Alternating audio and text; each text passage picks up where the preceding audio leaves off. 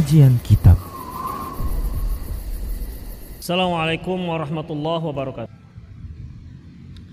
Innal hamdalillah nahmaduhu wa nasta'inuhu wa nastaghfiruh wa na'udzu billahi min shururi anfusina wa sayyiati a'malina. May yahdihillah fahuwal muhtad wa may yudlil falan tajida lahu mursyida Ashhadu an la ilaha illallah wahdahu la syarika lah وأشهد أن محمدا عبده ورسوله الذي لا نبي بعده. وقال الله سبحانه وتعالى يا أيها الذين آمنوا اتقوا الله حق تقاته ولا تموتن إلا وأنتم مسلمون. يا أيها الذين آمنوا اتقوا الله وقولوا قولا سديدا يصلح لكم اعمالكم ويغفر لكم ذنوبكم ومن يطع الله ورسوله فقد فاز فوزا عظيما يا ايها الناس اتقوا ربكم الذي خلقكم من نفس واحده وخلق منها زوجها وبث منهما رجالا كثيرا ونساء واتقوا الله الذي تساءلون به والارحام ان الله كان عليكم رقيبا اما بعد إن أصدق الحديث كتاب الله وخير الهدي هدي محمد صلى الله عليه وسلم وشر الأمور محدثاتها وكل محدثة بدعة وكل بدعة ضلالة وكل ضلالة في النار Ikhwati fiddin rahimani Allahu wa iyyakum. Di kajian lalu kita telah membahas bab yabda'u bil jar yaitu hendaklah seorang itu memulai dengan tetangganya. Apabila ada kebaikan-kebaikan yang perlu dia salurkan, maka orang yang paling berhak terhadap kebaikan tersebut adalah tetangganya. Karena tetangga itulah orang yang dekat posisinya dengan kita, paling dekat domisilinya dan tinggalnya dengan kita. Oleh karena itu, sebagaimana kalau kita membutuhkan bantuan darurat, maka tetanggalah orang yang paling memungkinkan untuk membantu kita dengan cepat. Oleh karena itu, demikian juga sebaliknya. Apabila kita punya kebaikan yang akan kita berikan, maka tetanggalah orang yang lebih berhak untuk mendapatkannya ketimbang yang bukan tetangga-tetangga kita. Walaupun tetangga kita tersebut agamanya Yahudi ataupun agamanya Nasrani, selama posisinya adalah tetangga kita, maka dia berhak mendapatkan itu semua. Berhak mendapatkan hak seorang tetangga. Kemudian ikhwatifidin, selanjutnya babu yuhda ila aqrabihim baba. Bab memberikan hadiah kepada yang paling dekat pintunya terhadap rumah kita. Apabila kita punya banyak tetangga dan kita tidak mungkin memberikan seluruh hal itu kepada tetangga kita semuanya. Tetangga kita misalnya ada 20 orang. Kita ingin membagi-bagikan makanan. Sementara makanan tersebut tidak cukup untuk dibagikan 20 tetangga. Lantas apa yang harus dia lakukan? atau dia hanya bisa memberikan satu tetangga saja? Padahal tetangganya banyak. Maka yang mana yang lebih dahulu berhak? Seluruh mereka statusnya tetangga. Sebagaimana di bab sebelumnya Imam Bukhari menyebutkan mulailah dengan tetangga. Kebaikan itu berikan kepada tetangga terlebih dahulu. Hanya yang jadi permasalahan bagaimana kalau tetangga kita itu lebih daripada satu orang? Di mana kebaikan tersebut tidak mencukupi jika diberikan kepada seluruh tetangga. Maka Imam Al-Bukhari rahimahullah mencantumkan bab berikutnya supaya lebih tajam. Jika hal ini terjadi bagaimana? Itulah luar biasanya uh, fikih Imam Al-Bukhari rahimahullah Beliau cantumkan setelah itu yaitu babun yuhda ila aqrabihim baba yaitu memberikan hidayah atau diberikan hidayah eh, apa namanya hadiah kepada yang paling dekat pintu rumahnya kepada kita. An Aisyah radhiyallahu anha qalat. Dari Aisyah radhiyallahu anha qalat dia berkata, "Qultu ya Rasulullah, aku berkata ya Rasulullah, inna li jaraini Ya Rasulullah, aku memiliki dua orang tetangga. Fa'ila ayyuhuma uhdi yang mana yang lebih pertama aku berikan? Mengapa pertanyaan ini muncul? Dikarenakan ya. Mengapa pertanyaan ini muncul? Dikarenakan tidak mencukupi jika dua-dua tetangga diberikan. Tidak mencukupi. Jadi mau tidak mau harus dipilih salah satunya. Kalau mencukupi itu nggak akan ada pertanyaan dari Aisyah radhiyallahu anha. Ini apabila tak mencukupi sebagaimana umumnya terjadi pada pada kita. Umumnya yang apa kita berikan kepada tetangga itu tak cukup untuk semua tetangga. Jadi mau tidak mau kita harus memilih. Nah sekarang apa standar pilihan tersebut? Apa standar pilihan tersebut? Lantas ini yang ditanyakan pada Rasulullah sallallahu alaihi wasallam. Ya Rasulullah, innali jaraini. Ya Rasulullah, aku punya dua tetangga. Fa ila ayyihima uhdi. Siapa di antara mereka yang akan aku berikan hidayah? Qal ila aqrabihima minki baban. Yaitu yang paling dekat pintunya dengan rumahmu itulah yang paling berhak untuk mendapatkan hadiah kita, kebaikan kita. Berarti ikhatifiddin yang jadi standar adalah pintu rumah. Bagaimana kalau kita punya pintu pintu dua, satu pintu depan, satu pintu belakang? Kalau kita hitung pintu belakang, tetangga belakang yang yang dapat. Kalau tetangga pintu kita hitung dari pintu depan, pintu depannya dapat, tetangga depan rumah. Kalau pintunya empat, Depan, belakang, kiri, kanan. Pintu mana ini yang dimaksud? Ikhwafiddin. Ya kalau seandainya kita hitung dari pintu yang kanan, ya tetangga kita sebelah kanan yang paling dekat.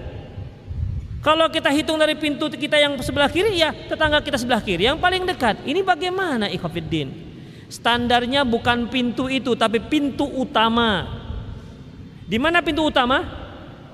Pintu depan. Itu ikhwafiddin. Ya, kita yang sekarang punya banyak pintu, atas pun ada pintu.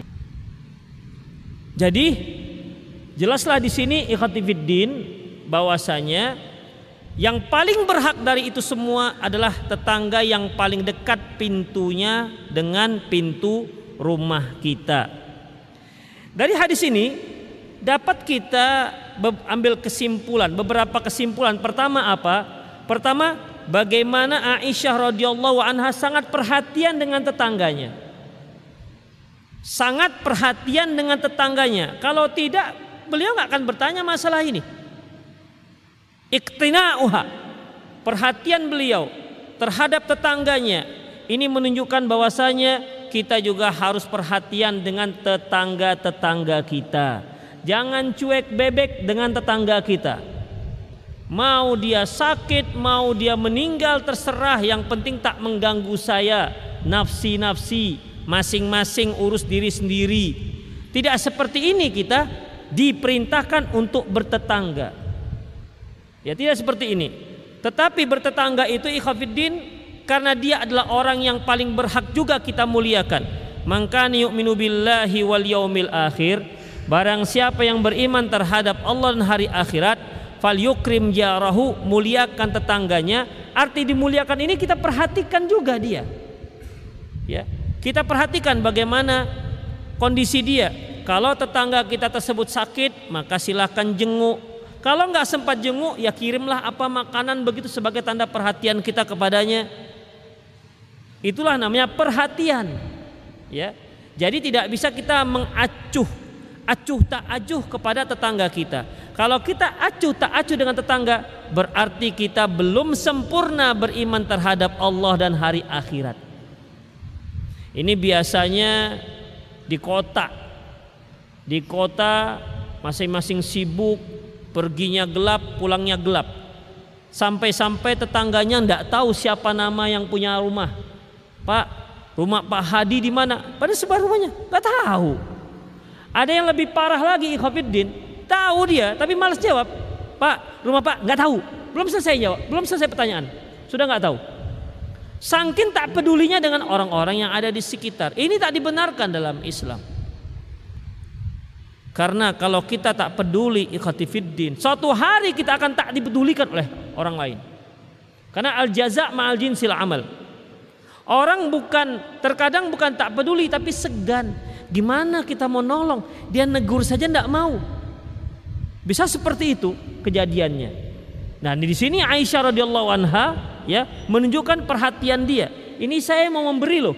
Dia ingin memberi sesuatu tandanya Aisyah radhiyallahu anha perhatian dengan tetangganya. Mau dia berikan hadiah padahal kita tahu bahwasanya rumah tangga Rasulullah itu bukan rumah tangga yang kaya-kaya amat. Rumah kaya sangat sederhana. Sangat sederhana. Bahkan beliau jarang makan roti. Makannya aswadani. Apa itu? Kurma dan air. Itu saja makannya. Jarang-jarang dapat roti. Itulah keluarga Rasulullah Sallallahu Alaihi Wasallam. Kemudian kalau ada sesuatu yang lebih itu ingin diberikan kepada tetangga. Luar biasa perhatian beliau. Yang kedua, ikhatifiddin, rahimani Allah wa iyyakum. Pertanyaan Aisyah radhiyallahu anha. Ayyihima uhdi ya Rasulullah? Mana di antara mereka berdua yang lebih berhak untuk aku berikan hadiah? Ini menunjukkan Aisyah radhiyallahu anha sebelum dia beramal dia harus punya pegangan ilmu dulu. Ini yang disebut Al Imam Bukhari al ilmu qabla al qawli wal amal. Ilmu itu sebelum bicara dan sebelum beramal. Karena syariat Islam memerintahkan kita untuk memuliakan tetangga, kemudian tetangganya itu ada dua dan yang mau diberikan hanya cukup untuk satu tetangga, Aisyah radhiyallahu anha tak ingin salah melangkah, tak ingin salah langkah. Makanya sebelum dia melangkah, dia tanya dulu mana yang benar kepada Rasulullah sallallahu alaihi wasallam. Ya Rasulullah, innali jarani jarani. Innali Ya Rasulullah aku punya dua tetangga. Fa ayyihima uhdi. Yang mana yang akan aku berikan hadiah Yang lebih berhak? Dikarenakan aku tidak sanggup memberikan dua-dua Hanya beri satu. Yang mana yang lebih berhak? Beliau menjawab Ila akrabihima baban Ila akrabihima minki baban Yang paling dekat pintu rumahnya Dari pintu rumahmu Itulah ikhafidin Sehingga tidak salah dalam melangkah. Mengapa harus yang lebih dekat ikatifiddin? Karena kalau yang namanya lebih dekat umumnya tetangga yang lebih dekat apalagi kalau kita masak bisa saja dia sudah mencium mencium aroma masakan kita ya kan coba bayangkan antum punya tetangga satu dekat satu agak jauh nyebrang nam lewat dari depan rumahnya Antum bawa apa ini? Bawa sop atau bawa rendang atau bawa gulai. Kemudian lewat depan tetangga, mau ke mana bu? Mau ngasih nih ke tetangga yang sebelah. Gimana kan hatinya? Ya awak kak dikasih. Sedih kali. Sedih nggak begitu kan? Ya kan sedih. Loh, kok jauh sekali? Lewat dia kita kita kita kita kita nggak dapat malah di lebih lebih yang jauh. Bahkan mungkin dia pernah udah mencium, Ih, bau, bah, aromanya masya Allah, bakar ikan dia ini. Kan kalau kita bakar-bakar, bakar-bakar ikan maksud bukan bakar-bakar rumah ya, bakar-bakar ikan, bakar-bakar makanan, tempat kita nggak ada aromanya, tapi di tetangga ya. Saya pernah di belakang rumah bakar-bakar, bakar-bakar ikan, di tetangga aromanya, insya Allah kan. Kita biasa-biasa aja. Begitulah tetangga yang paling dekat umumnya yang mencium aroma. Eh, ikannya sampai ke sampingnya. Makan apa itu bu? Makan ikan. Ikan mana? Itu tetangga kita yang ngasih. Ibu dapat? Enggak. Insya Allah kan. Kecil sekali hatinya. Ya. Demikian ikhwatiddin. Jangankan seperti itu, jangankan seperti itu. Kita beri tetangga kita yang agak jauh nggak diberi atau sama sebelah sebelahan nggak diberi, itu kalau dia tahu agak kecil hatinya, kenapa saya nggak diberi ya? Apa salah saya ya? Jangan-jangan saya begini, jangan begini. Mungkin banyak apa namanya mergelayut berbagai macam prasangka-prasangka. Itulah dia.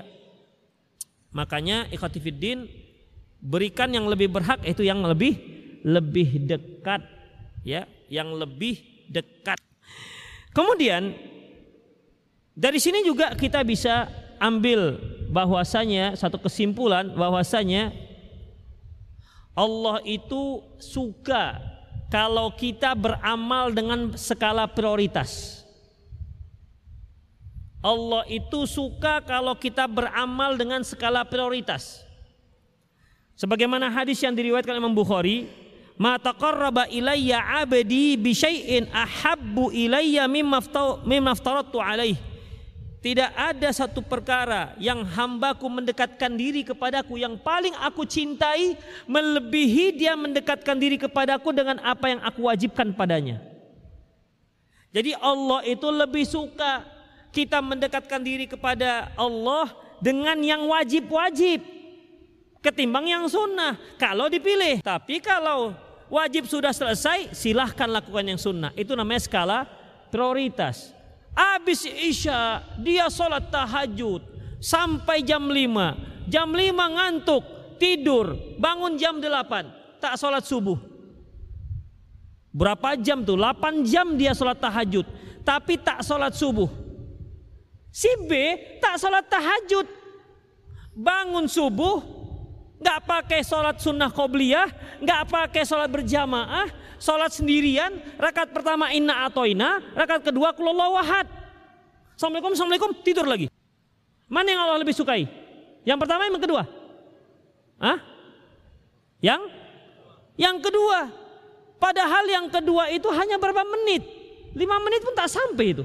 Kalau dua rakaat hanya pakai inna atoina dengan kulullah wahad. Tapi yang dia lakukan itu yang wajib yang si fulan ini yang sholat satu malam suntuk habis Al-Baqarah, Al-Imran, Al-Maidah dibacanya. Tapi itu sholat tahajud, eh tak sholat subuh. Makanya ikhatifiddin ya kita sangat dianjurkan beramal itu dengan skala prioritas. Itu dia. Kalau bisa amal sedikit tapi banyak pahalanya. Itu ya. Karena kalau untuk mengamalkan semua syariat Allah, aduh, mungkin tak sanggup kita.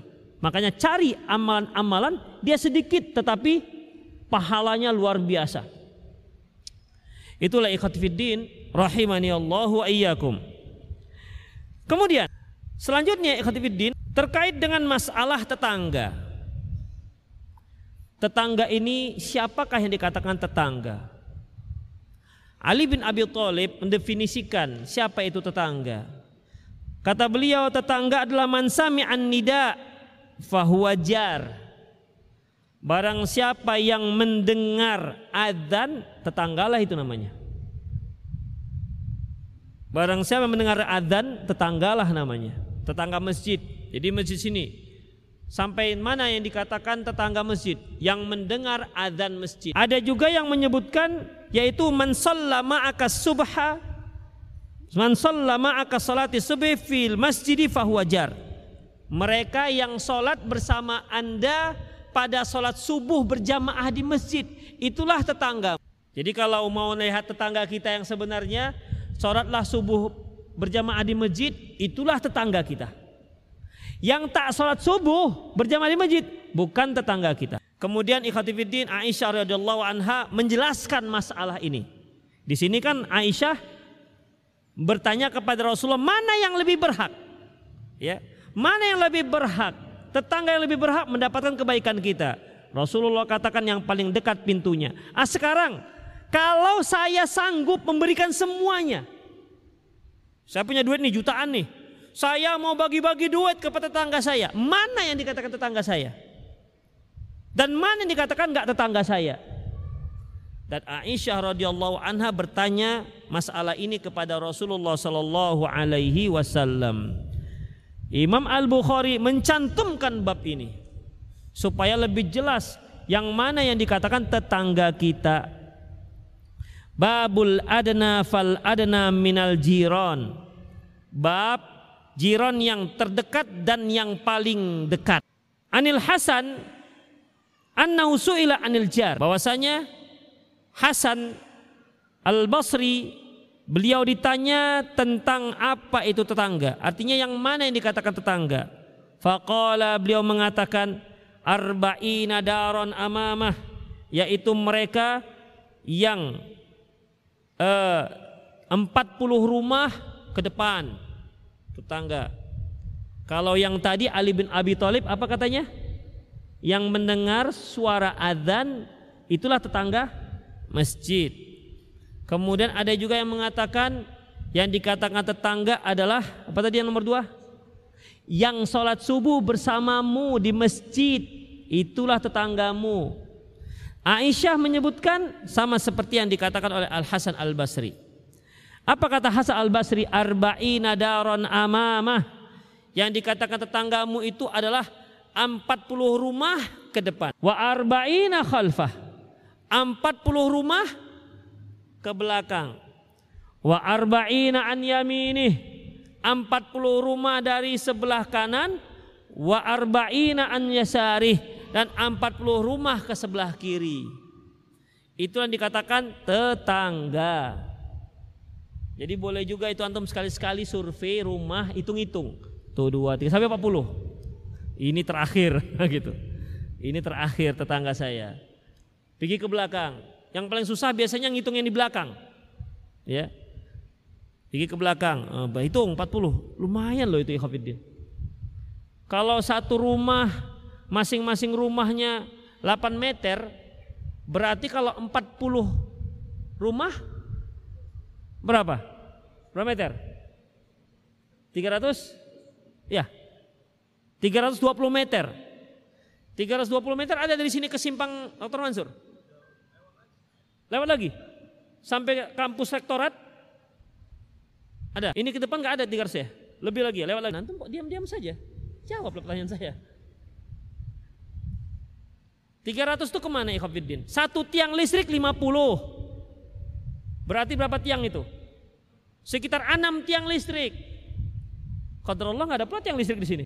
Itulah kira-kira. Ya bisa-bisa dari sini bisa ke ke rumah sakit lah. Rumah sakit enggak ya, paling berapa rumah dari sini ya? Itu rumah sakit tuh. Paling 10 rumah tuh udah rumah sakit. Ini jangan-jangan sampai simpang. Ya. Apalagi kalau Jakarta. Rumahnya 4 meter 4 meter. Oh itu lebih dekat lagi ya. Demikian. Oh kalau antum rumahnya seperti komplek komplek uh, dosen ini ya 15 meter 15 meter udah. Demikian ikhwafidin. Yang lah repotnya itu kalau antum ditransmigrasi. Satu rumah, nanti tangganya setelah 500 meter, satu rumah lagi. Ah itu 40 rumah. Wow. Jadi itu ikhafidin, itulah yang dikatakan tetangga. Kata Hasan al al Basri. Jadi maksudnya ini apa ikhafidin? Maksudnya ini apa? Ketika kita ingin menyalurkan kebaikan kita kepada tangga, okelah kita punya agak sedikit banyak nih. Tidak apa nah, tidak hanya satu, kita mau banyak. Maka tetap yang diberikan fal adana al adana fal adana, yang dekat dan yang terdekat. Jadi keliling rumah kita ring satu, ring dua, ring tiga, ring empat, begitu caranya. Ya, begitu caranya. Sampai ya habis. Kalau hanya sampai ternyata ring tiga aja habis ya sudah begitulah cara menyalurkan kebaikan kita kepada para tetangga. Kemudian dikhatifidin rahimani Allah wa iyyakum. Dari dua bab ini ya tiga bab. Dari tiga bab jelas di sini bahwasanya Imam Al-Bukhari ingin memperlihatkan kepada kita yang dikatakan tetangga itu mana? Ya, yang dikatakan tetangga itu mana? Mulailah dengan tetangga. Kemudian Berapa yang dikatakan tetangga? Berapa rumah yang dikatakan tetangga? Kemudian kalau seandainya tidak cukup kebaikan kita, mana yang lebih berhak? Akro akrobu minkum baban. Yang paling dekat pintunya dengan rumah kalian. Dan ini ditanyakan oleh Aisyah radhiyallahu anha. Ya rahimanallah wa iyyakum oleh karena itu sangat penting sekali kita memiliki ilmu dalam masalah ini. Ya, dari mulai kita wajib memuliakan tetangga, Kemudian didefinisikan siapa yang lebih berhak tetangga atau bukan tetangga. Kemudian muncul lagi pertanyaan tetangga yang mana yang lebih berhak. Kemudian mana yang dikatakan tetangga. Tinggal kita mengamalkan apa yang telah ditetapkan oleh Rasulullah Sallallahu Alaihi Wasallam dan ingat itu hanya ada dalam syariat Islam. Itu hanya ada dalam syariat Islam. Agama lain tak ada mengatur masalah ini. Tidak ada menyebutkan mana yang dikatakan tetangga. Gak disebutkan. Hanya ada dalam Islam. Makanya ikhatifiddin. Mereka yang punya ilmu, belajar, ingin mempraktekkan Islam itu ada seluruhnya dalam Islam. Tidak usah kita lagi nengok-nengok orang kafir-kafir tuh. Ya, sudah lengkap di semua lini dalam Islam. Tinggal kita mau belajar ataukah tidak, mau menambah khazanah ilmu kita ataukah tidak, tinggal itu saja. Kita mau belajar ada dalam Islam. Rasulullah ditanya, Aisyah ditanya tentang akhlak Rasulullah, khuluquhul Quran. Akhlak Rasulullah itu Quran. Rasulullah itu adalah manusia. Manusia hidup sama seperti kita. Rasulullah hidup sama seperti kita. Pastilah Rasulullah punya tetangga. Mulai Rasulullah punya istri, Rasulullah punya anak, Rasulullah punya kerabat, Rasulullah punya tetangga, Rasulullah punya teman-teman terdekat, Rasulullah punya para-para sahabat. Tinggal kita gimana melihat bagaimana cara beliau bermuamalah terhadap orang-orang yang ada di sekitar-sekitar beliau. Dan tak cara untuk mengetahuinya tidak lain dan tidak bukan dengan cara belajar. Ya, dengan cara belajar.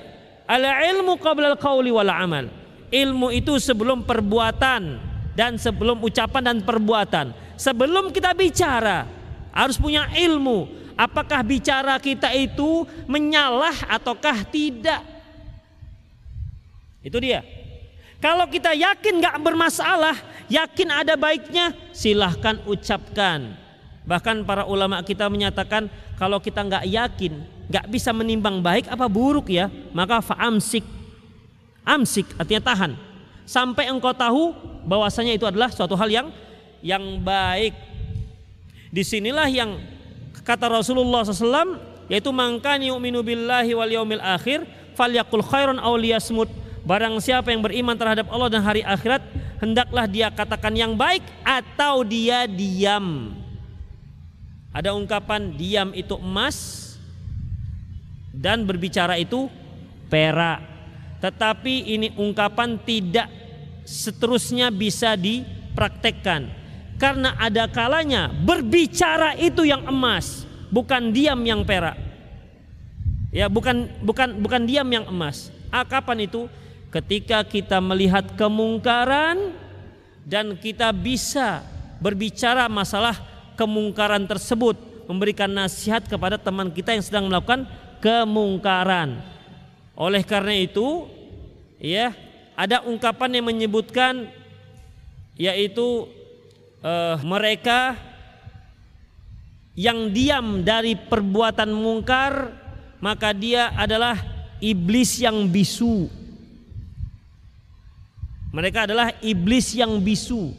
Seharusnya dia berbicara. Saat itu dia boleh untuk bicara untuk meluruskan kesalahan-kesalahan yang ada pada pada yang ada di hadapannya. Itulah ikhtifidin rahimani Allah wa iyyakum. Jadi al ilmu qabla al qali wal amal. Bicara uh, ber, berilmu sebelum berbicara dan sebelum berbuat seperti yang dilakukan oleh Aisyah radhiyallahu anha. Ikhtifidin sepertinya untuk sore ini sudah lah ya. Semoga bermanfaat. Berapa ya? Setengah jam. Cukup lah ya setengah jam, nggak usah banyak-banyak. Nanti antum bosan dengan saya. Tep silakan antum yang ingin bertanya, antum Anda yang memiliki pertanyaan silakan kirim di pesan singkat kami dengan nomor 089561132778. Bagi antum yang memiliki pertanyaan, baik antum yang ada di masjid dakwah maupun yang ada di lokasinya masing-masing, jika memiliki pertanyaan silakan kirim pesan di pesan singkat Anda 089561132778 dan ini nomor hanya untuk tanya jawab kajian, tidak selain itu. Semoga Allah menjaga antum dan keluarga. Amin. Apakah kudis, panu, jerawat, kurap dan lain-lain penyakit ini bisa menggugurkan dosa-dosa kecil? Iya. Mana ini yang bertanya? Punya panu dia. Rasulullah kan menyebutkan tidaklah seorang muslim itu ma asabahu min ghammin wala hazanin wala haznin kan itu eh, disebutkan tidaklah seorang itu tertimpa satu musibah kemudian kesedihan atau tertimpa terkena apa namanya demam sampai-sampai duri yang menusuk dirinya kecuali Allah akan jadikan itu sebagai penghapus dosa. Sekarang saya tanya, mana lebih dahsyat sakitnya? Mana lebih parah? Sakit tertusuk duri ataukah tak sakit dikarenakan kurap, padu, kadas, kata-kata kutu air? Mana lebih akut penyakitnya? Ya jelas panu, pengalaman antum sepertinya. jelas panu. Kalau duri, antum tertusuk duri, tinggal cabut durinya, selesai urusannya.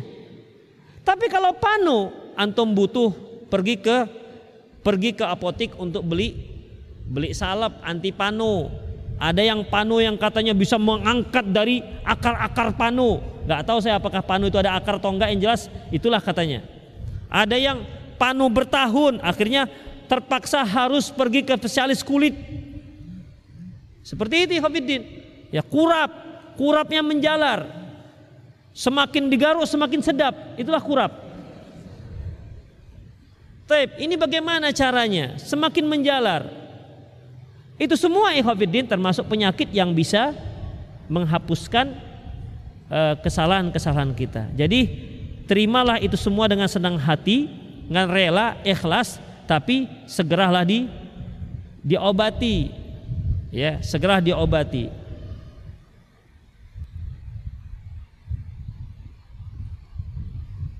Ustadz, tak saat ini saya diterima kerja di restoran Korea akan tetapi restoran itu ternyata jualan non halal dan yang halal. HRD-nya bilang saya hanya melakukan tugas sebagai SPV tidak diminta untuk makan atau menyediakan pelanggannya. Bagaimana hukumnya Ustadz? Gak boleh. Kalau di situ sudah ada yang haram maka tak dibolehkan. Bukankah Rasulullah mengatakan la yajlisanna la yajlisanna ahadukum fima idatin yudaru fihil khamar. Janganlah salah seorang kalian janganlah salah seorang kalian duduk di duduk di hidangan yang di situ ada khomernya apalagi antum pelayannya. Pak tua seceret. Antum datang ngasih. Begitu. Jadi tidak dibolehkan cari yang lain aja jadi bukan masalah Koreanya, tapi masalah makanan yang di yang disuguhkan. Cari yang lain aja lah ya. Minimal ini syubhat. Ya syubhat. Buktinya antum bertanya. Tandanya kan nggak tenang hati kita ini. Buktinya dia bertanya. Ketika kita tidak tenang itu tandanya ada masalah di sini. Coba seandainya dia di restoran Padang. Gak nanya saya yakin ini. Paling pertanyaannya, Ustadz ada rendang lebih, boleh nggak bawa pulang? Gitu, paling gitu tanyaannya. Begitu ya Khafiddin. Jadi sudahlah tinggalkan aja. Bagaimana jika suami istri terpisah kota, jarak karena pekerjaan keduanya apakah diperbolehkan? Ini apa namanya LDR? Apa kepanjangan LDR? Nah, itulah pokoknya. Boleh apa tidak? Ikhwatifiddin perhatikan. Antara istri dan suami itu ada hak dan kewajiban ada hak dan kewajiban. Udah. Terkadang seorang istri bisa mengalah dalam hak dia. Demikian juga masalah suami. mengalah dalam haknya. Bisa itu terjadi. Bisa itu terjadi. Mengalah dalam masalah haknya. Taib. Demikian juga terkadang seorang ikhwan dan akhwat ketika dia mau menikah, mereka punya komitmen tersendiri. Dan itu disetujui. Misalnya ini, mungkin saya juga pernah cerita ke antum. Ada sepasang eh, mahasiswa dan mahasiswi. Mereka ingin cepat menikah. Dengan catatan si ikhwan belum bisa ngasih nafkah. Ikhwan belum bisa ngasih nafkah. Jadi bagaimana? Dicarilah. Ternyata di lobi, di lobi lah orang tua akhwat ternyata orang tua akhwatnya mau mensubsidi. Jadi rumah tangga mereka disubsidi dari ayah si laki-laki dan ayah si akhwatnya. Ya 50-50 lah gitu kira-kira. Jadi rumah tangga mereka selagi mereka masih kuliah itu disubsidi oleh kedua orang tua. Dari mertua dan dari orang tua sendiri. Setuju mereka? Jalan. Padahal kan kewajiban seorang suami untuk memberikan nafkah. Setuju dari awal? Silahkan jalan. Udah perjanjian. Al muslimu ala syurutihim. Seorang muslim itu sesuai dengan syarat-syarat yang telah mereka setujui. Jalan. Jangan nanti komplain di belakang. Abang nggak pernah ngasih nafkah loh. Kan sudah sudah ada perjanjiannya sampai abang selesai kuliah begitu. Demikian juga masalah ini ikhatifiddin. Misalnya ini si suami sama istri sama-sama koas misalnya. Atau intensif misalnya. Setahun. Gajinya sebulan 3 juta 100. Satu bulan. Sudah. Yang si akhwatnya si istri ditugaskan ke Maluku sana misalnya Si ikhwannya ditugaskan ke daerah mana begitu? Ke Palembang. Terpisahlah mereka setelah menikah. Bolehkah ini? Karena masalah kalau mereka sudah sudah punya komitmen, tapi perjanjian yang jelas. Itu Ikhwanuddin. Ya. Jadi kalau sudah punya perjanjian jelas, silahkan jalankan. Tapi kalau belum, maka dia akan kembali kepada hak yang asal. Istri harus berada dekat suami suami wajib memberikan nafkah kepada sang istri. Begitu. Misalnya antum mendapat seorang istri spesialis. Spesialisnya nggak tanggung-tanggung anestesi. Pokoknya telepon harus datang. Kenapa? Harus dibius. Suami pada waktu itu malam-malam. Dek, ayo dek. Begitu ya bang. Telepon dari rumah sakit. Ibu dokter tolong ini ada kecelakaan harus dibius. Bang maaf bang ya ini panggilan rumah sakit. Siap nggak begitu punya istri spesialis? Dokter spesialis. Kalau nggak siap cari yang lain, cari ibu rumah tangga yang rumahan. Itu resiko. Ini enggak, maunya duitnya banyak. Istri bisa setoran, tapi kalau bisa di rumah aja. Begitu ikhwanuddin. Jadi tinggal komitmennya bagaimana. Jadi para ikhwan dan akhwat yang yang punya profesi seperti itu, yang susah untuk di rumah, sedikit frekuensi dia tinggal di rumah, maka sebutkan ini kepada sang ikhwan. Dia terima nggak kondisi seperti ini? Bang, saya bukan nggak menerima, saya menerima, tapi saya itu punya usaha ini, usaha ini. Saya punya supermarket, saya punya hotel, saya punya ini. Ini perlu saya manajemen semua. Gimana? Abang siap nggak menjadi istri seperti saya? Suami seperti punya istri seperti saya. Ini di bawah saya semua, harus saya kelola semua. Siap apa enggak? Kalau nggak siap ya sudah, cari yang lain. Itu dia ikhwafiddin. Ya. Jadi tinggal komitmennya. Enggak masalah kalaupun mereka berjauhan, tetapi tinggal komitmennya. Harus komitmen. Jangan sampai begitu berjauhan di sana cari yang di sini, di sana cari yang sana lagi. Masing-masing punya cari-carian sendiri-sendiri. Maka itu jelas nggak dibolehkan ya. Apakah boleh menerima uang dari seseorang yang kita tahu uang tersebut dari pekerjaan yang tidak halal? Kita tahu persis. Kalau nggak tahu persis masih 70, 30 udah terima aja. Tapi kalau kalau kalau tiap tahu persis hindari aja. Ya, hindari aja. Karena bisa bermasalah Misalnya dia uang curian misalnya, oh sudah aku kasih duitnya dengan fulan, antumlah orangnya misalnya. Tapi kalau uang tersebut dari riba bank misalnya, ya, maka nggak apa-apa, silahkan terima aja.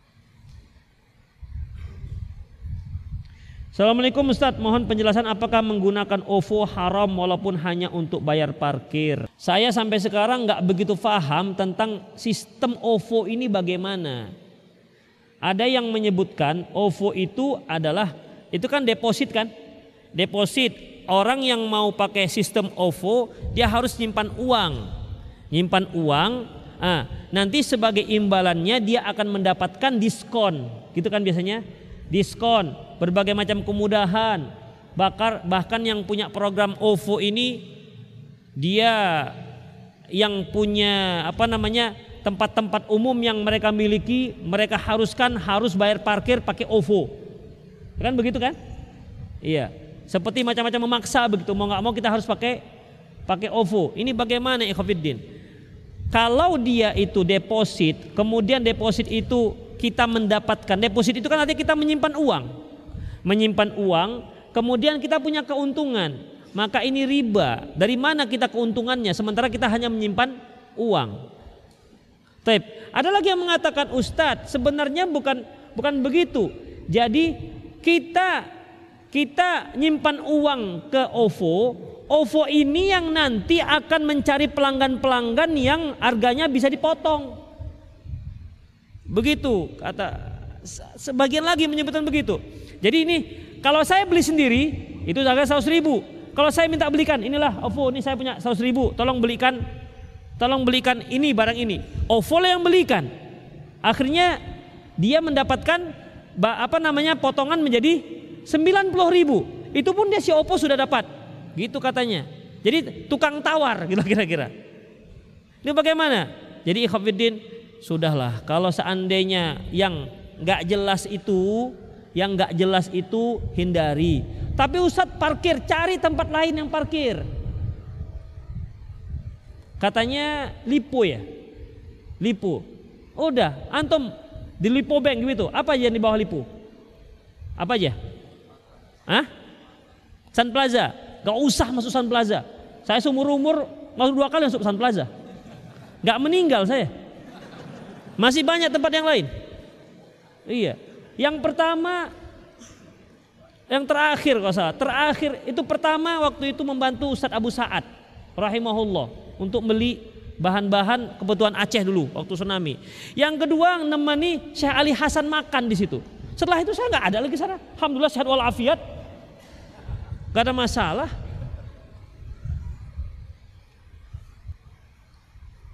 Ustadz bagaimana hukum menyebut jamaah dengan kalimat jamaah yang dirahmati oleh Allah? Bukankah itu memastikan? Itu artinya jamaah yang dirahmati Allah itu maksudnya mudah-mudahan dirahmati Allah itu doa. Ya. Itu bahasa-bahasa singkat namanya. Semoga Allah merahmati jamaah yang dirahmati oleh Allah. Apakah amalan yang setara dengan sholat di masjid haram yang pahalanya seribu kali lipat dibandingkan masjid lain? Apakah amalan yang setara? Enggak ada yang setara. Ya, enggak ada yang setara. Ustadz, Bismillah, saya mau bertanya. Saya berencana melanjutkan pendidikan sekolah ke PKN STAN PKN STAN. Di sana saya insya Allah ke depannya akan bekerja di bidang perpajakan atau biaya cukai. Apakah hukum bekerja di kantor pajak dan biaya cukai? Aduh, antum dah tahu lah ceritanya itu. Orang yang bagaimana yang disebut dengan syekh yang udah tua, jam saya nih, yang putih syekh. Syekh itu artinya tua. Ya, uh, dalam surat Yusuf, dalam surat Yusuf itu disebutkan uh, Wa abuna syaikhun kabir. Wa abuna syaikhun kabir, ayah kami orang yang sudah tua. Jadi syekh itu pertama artinya orang tua. Jadi kalau antum dibilang, wah masya Allah syekh, itu antum dah tua. Tuh. Yang kedua, arti syekh adalah orang alim. Itu dia, orang alim. Jadi tinggal ketika antum dipanggil syekh merasa tua, merasa alim enggak? Enggak. Berarti tua. Itu dia. Tinggal mau yang mana aja. Bagaimana cara mengganti sholat yang lalu? Tidak ada bisa diganti. Kalau dia meninggalkannya tanpa uzur tidak bisa diganti. Ibadah itu ada yang punya jangka waktu, ada yang tidak. Seperti sholat. Inna sholata kanat alal mu'minina kitaban mawquta. Sesungguhnya sholat itu wajib atas orang-orang mukmin dengan batasan waktu. Dengan batasan waktu. Sudah? Sekarang ada orang yang mendengar adzan, kemudian dia ah nanti ajalah sholat. Kapan kau mau sholat? Nanti usia-usia 50. Taib. Dia melalaikan sholat sampai tak sholat. Lantas nantilah kan bisa saya kodo usia 50. Terus apa fungsinya ini batasan waktu? Kalau toh usia 50 bisa di, dikerjakan. Apa fungsinya jadinya?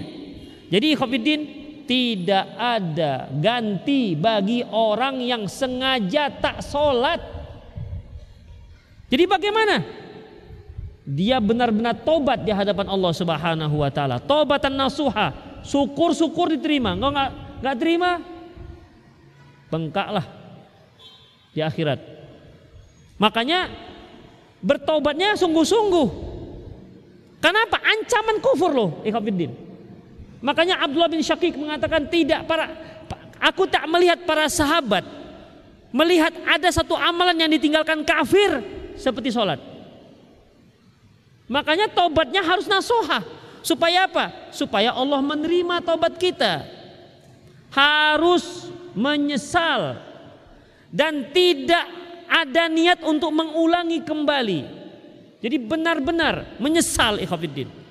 Itu dia. Ada nggak pada diri kita menyesal? Oleh karena itu jangan sembarangan meninggalkan sholat. Ya, tobat nasuha. Kalau tobat nasuha dan kita terima tobatnya, Allah akan ampuni semua dosa-dosa tersebut. Ustadz, Bagaimana tanggapan Ustadz dengan orang yang nazar akan bersedekah ke masjid tapi akhirnya dia bersedekah ke ibunya sendiri? Ikhafiddin, ke ibu kita itu bukan sedekah. Itu kewajiban kita, bukan sedekah. Ya. Bukan sedekah. Sama seperti antum punya istri. Dek, daripada abang bersedekah ke masjid, mendingan abang bersedekah ke adik aja kan? Ya adik bisa beli tas, bisa beli sepatu. Ke istri itu bukan sedekah, kewajiban. Ya, kewajiban. Beli tas ustad loh. Kalau istri antum minta tas, kasih. Kalau antum sanggup, kasih. Untuk apa tas di? Awak kalau mau mau ngaji di masjid dakwah bang, mau bawa mushaf, bawa buku, nggak ada. Wajib antum kasih. Kalau antum sanggup. Itu istri antum bukan istri orang lain. Apa kebutuhan si akhwat istri antum? Berikan, penuhkan. Memang itu tugas mereka dan memang itu juga tugas kita.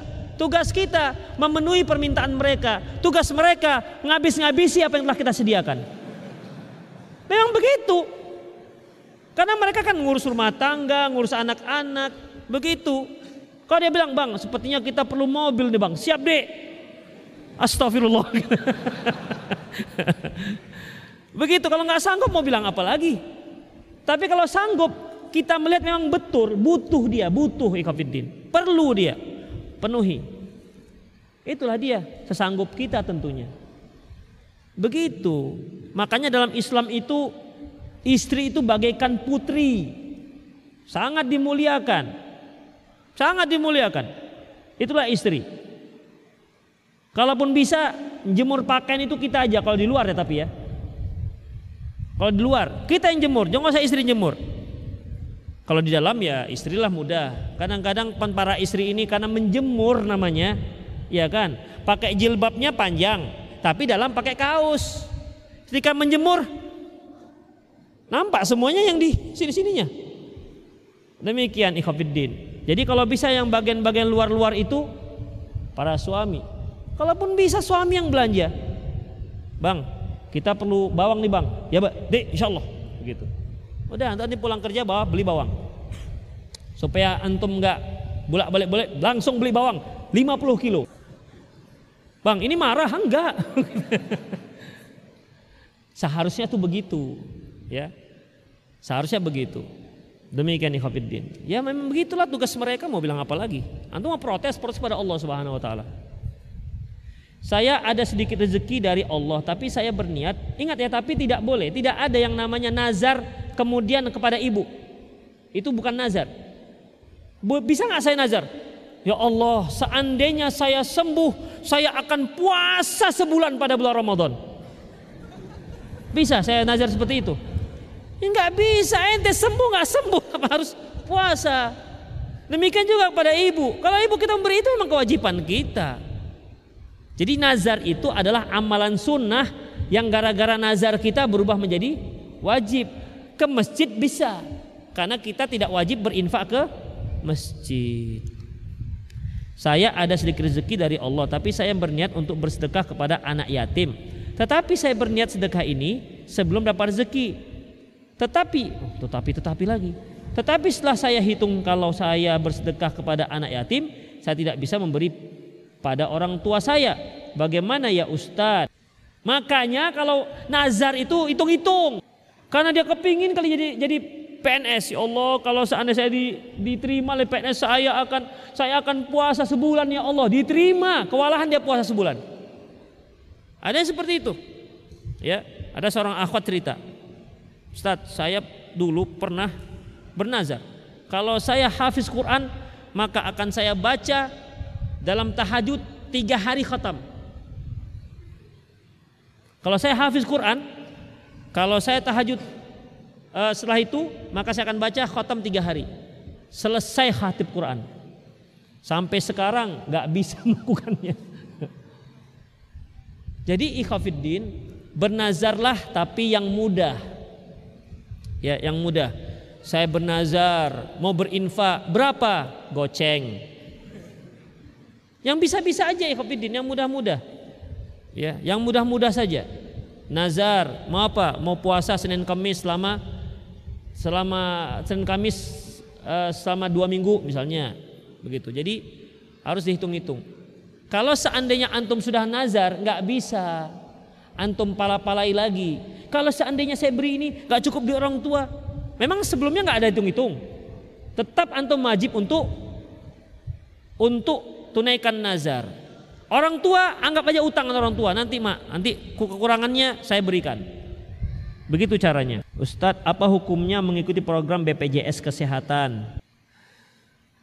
Antum tengok sajalah YouTube-nya Ustadz Irwandi kalau ini.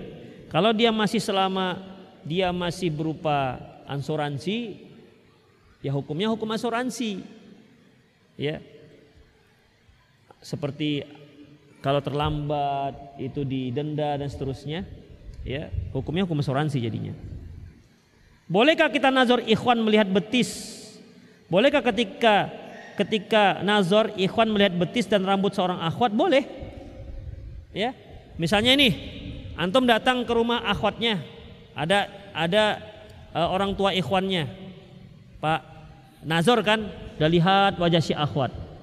Ikhwan perhatikan, kalau antum nazor lihat wajah akhwatnya dalam-dalam. Perhatikan aja. Banyak ikhwan itu kalau sudah nazor malu-malu. Besoknya, Ustadz saya lupa wajah akhwatnya. Boleh murojaah. Murojaah, tengok. Tengok jelas-jelas. Tengok hidungnya, ada nggak lubangnya. Tengok jelas-jelas. Karena itu tempat yang haram, eh tempat yang halal. Kalau bisa pakai topang dagu gini. Si. Tengok, akhwat juga begitu, tengok aja. Tapi jangan sampai laga pandangan. Biasanya nggak tahan kalau laga pandangan.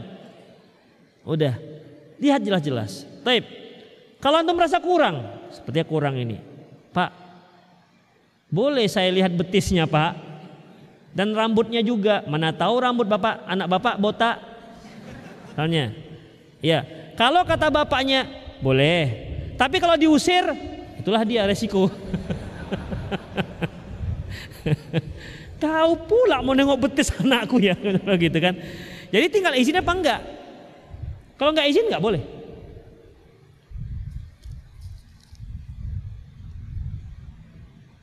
Kalau diizinkan nggak masalah ya. Demikian. Ini mana tahu dapat akhwat begitu kan? Kata orang nggak apa-apa. Gimana kau nak? Oke pak, buka jilbab. Sam.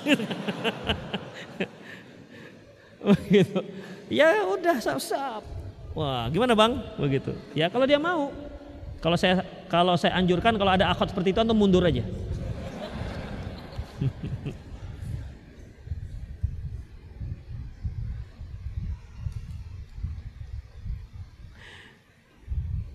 Saya punya teman yang punya usaha. Saya punya teman yang punya usaha di satu bidang yang dibutuhkan oleh perusahaan. Tapi perusahaan yang teman saya bekerja sama dan teman saya memberi fee di luar kantor kepada saya setiap kali ada satu kerjaan. Saya punya teman yang punya usaha di suatu bidang yang dibutuhkan oleh perusahaan. Jadi perusahaan dan teman saya bekerja, perusahaan dan teman saya bekerja sama. Ya, dan teman saya memberi fee di luar kantor ketika saya setiap satu pekerjaan. Apakah fee itu haram? Gak boleh. Kalau antum sudah mendapat gaji dari kantor. Misalnya nih, ya. Antum ditunjuk untuk menyediakan OTK apa? ATK. ATK di perusahaan tersebut, alat tulis kantor. Kamu bertugas menyediakan semua peralatan kantor dari mulai laptop, apa namanya PC sampai masalah apa namanya tulisan uh, ballpoint kertas segala macamnya. Budget kita sekian ratus juta. Kamu digaji sekian. Datang teman kita. Berapa memang budget sekian sekian? Menanglah dia menang tender. Sudah. Kemudian dia sediakanlah semua ATK itu. Di luar kita dikasihnya duit. Boleh nggak? Haram. Nggak dibolehkan Kenapa? Karena kita sudah digaji untuk itu. Ya, karena kita sudah digaji untuk itu nggak dibolehkan. Ustadz, apa hukumnya sewa menyewa suatu tempat usaha tanpa ada perjanjian hitam dan putih sebelumnya? Hanya kesepakal lisan. Apakah satu waktu tempat usaha tidak bisa berlanjut? Bagaimana uang yang sudah diterima oleh pihak pertama? Ikhwatifiddin perlu kita ketahui. Sebenarnya yang namanya tulisan itu itu asalnya kan pernyataan. Ya kan? Asalnya pernyataan. Ya kita sebagai manusia yang dipegang adalah pernyataan. Mengapa dibuat tulisan? Agar tidak terjadi kelupaan. Bukan karena nggak percaya. Makanya Allah mengatakan, Ya ayyuhalladzina amanu idza tadayantum bidainin ila ajalin musamman faktubuh. Wahai orang yang beriman, apabila kalian berhutang, berhutang untuk dibayar di suatu waktu ke depan faktubuh tulislah. Supaya apa ya Khafidin? Bukan karena nggak percaya. Pertama bisa saja sama-sama lupa. Yang ber, berpiutang eh bang ini kan sudah masuk waktu lunas. Pelunasan di bulan Maret nih. Eh nggak bulan Maret kok bulan Juli. Begitu. Mungkin lupa. Dengan adanya tulisan kita bisa kita bisa menyelesaikannya. Satu. Yang kedua mungkin menghindari kelupaan berapa nominalnya. Kita katakan, eh kemarin kamu berhutang 3 juta, ah apa pula 3 juta? 300 ribu, berkurang 01. Dari 3 juta ke 300 ribu. Terus kalau nggak selesai apa buktinya jadinya? Nggak ada hitam di atas putih. Jadi dengan adanya hitam di atas putih lebih jelas kita ceritanya. Ini dia buktinya. Ini tanda tangan Bapak. Ya, itu untuk menghindari per pertengkaran. Jadi kalau seperti ini, apabila satu waktu tempat usaha tidak bisa berlanjut, bagaimana uang yang sudah diterima oleh pihak pertama sebagai penyewa, barakallahu fik. Tinggal kesepakatan aja. Kalau dia katakan, loh, misalnya yang menyewa, pihak menyewa, loh saya hanya pakai setengah setengah tahun, masih ada sisa setengah tahun lagi, ini gimana pak? Saya minta balik. Kalau katanya, ya udah nggak apa-apa, udah selesai.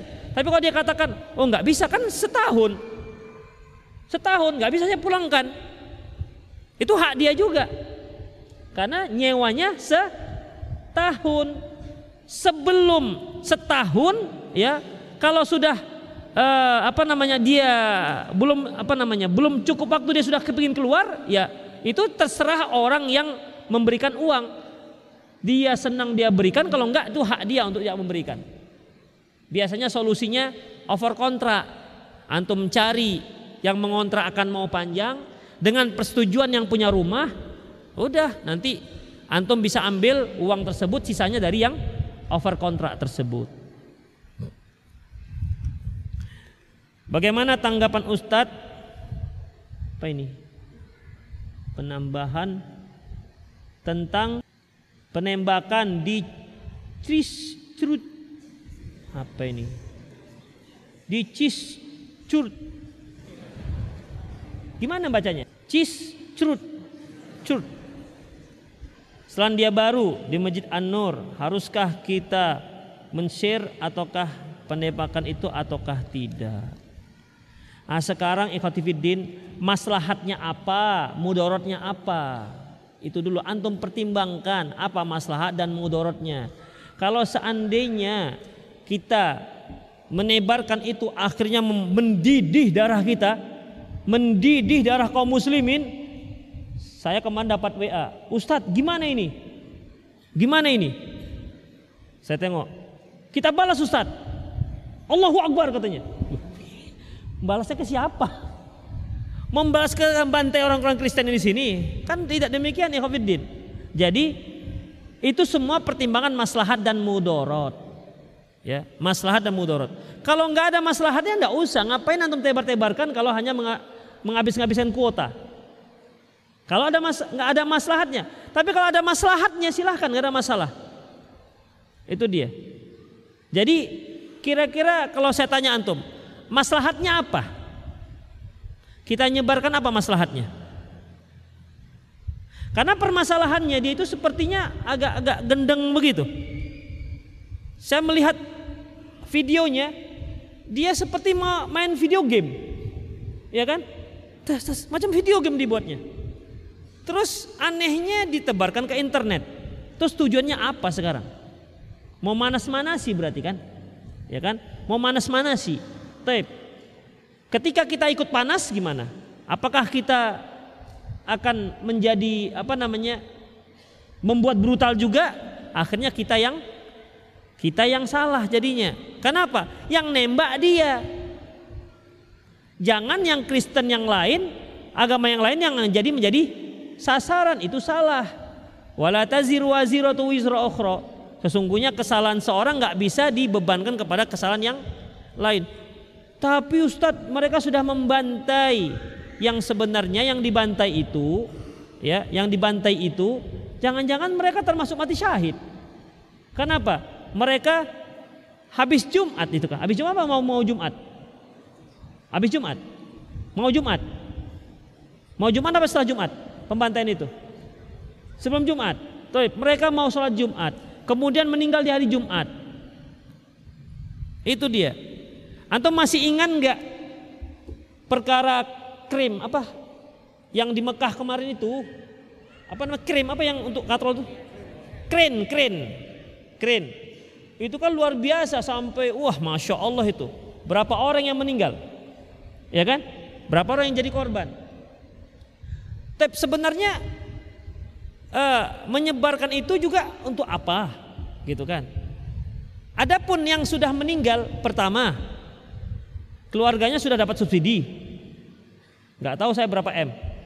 Yang dianya itu sedang beribadah di Masjidil Haram. Nah ibadah. Yang membuat kita sedih kan sebenarnya yang kita tinggal. Oh, bapak aku udah mati. Mama aku ketipa keren. Begitu kan.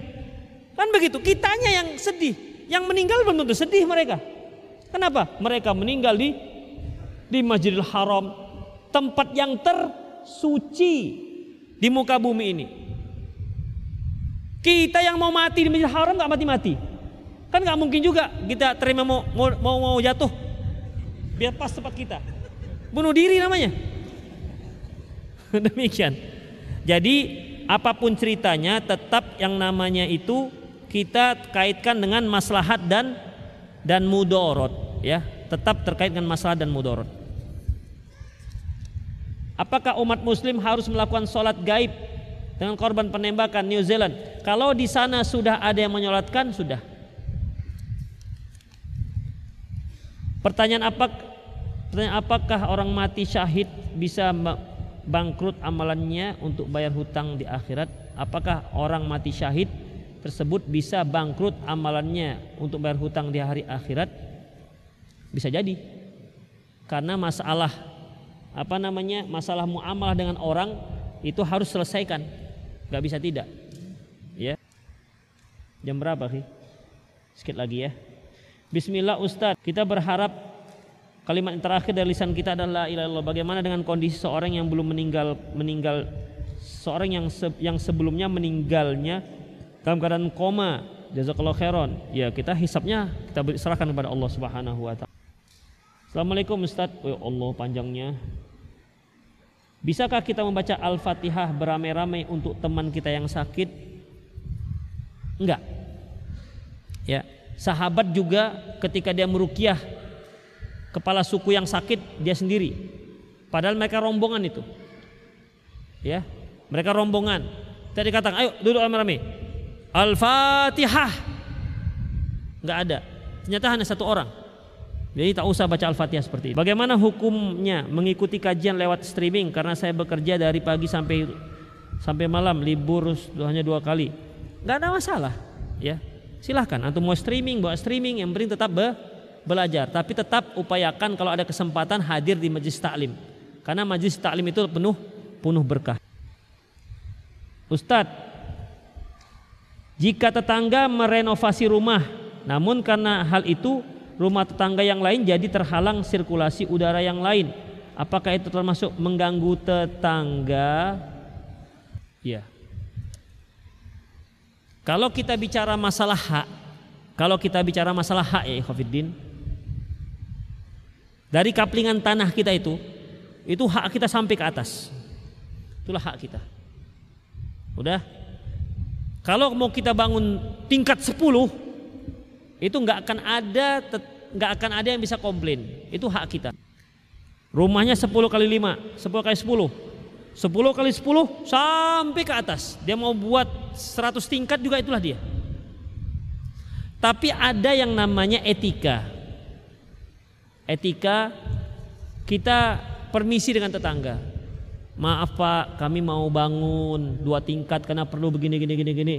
Ya nanti kalau seandainya nanti kami bangun tentu paling tidak Bapak nggak kena matahari lagi begitu. Ya, jadi kami mohon maaf minta izin ini Pak begitu kan. Gak akan mungkin juga, oh nggak bisa gimana. Kau usah kau bangun, nah kamu satu tingkat aja nggak bisa. Saya nggak yakin ada tetangga yang seperti itu. Kalaupun dia bersikeras seperti itu, si tetangga, enggak, ini kan rumahku, tanahku, begitu. Udah jalan. Jadi ada yang namanya etika.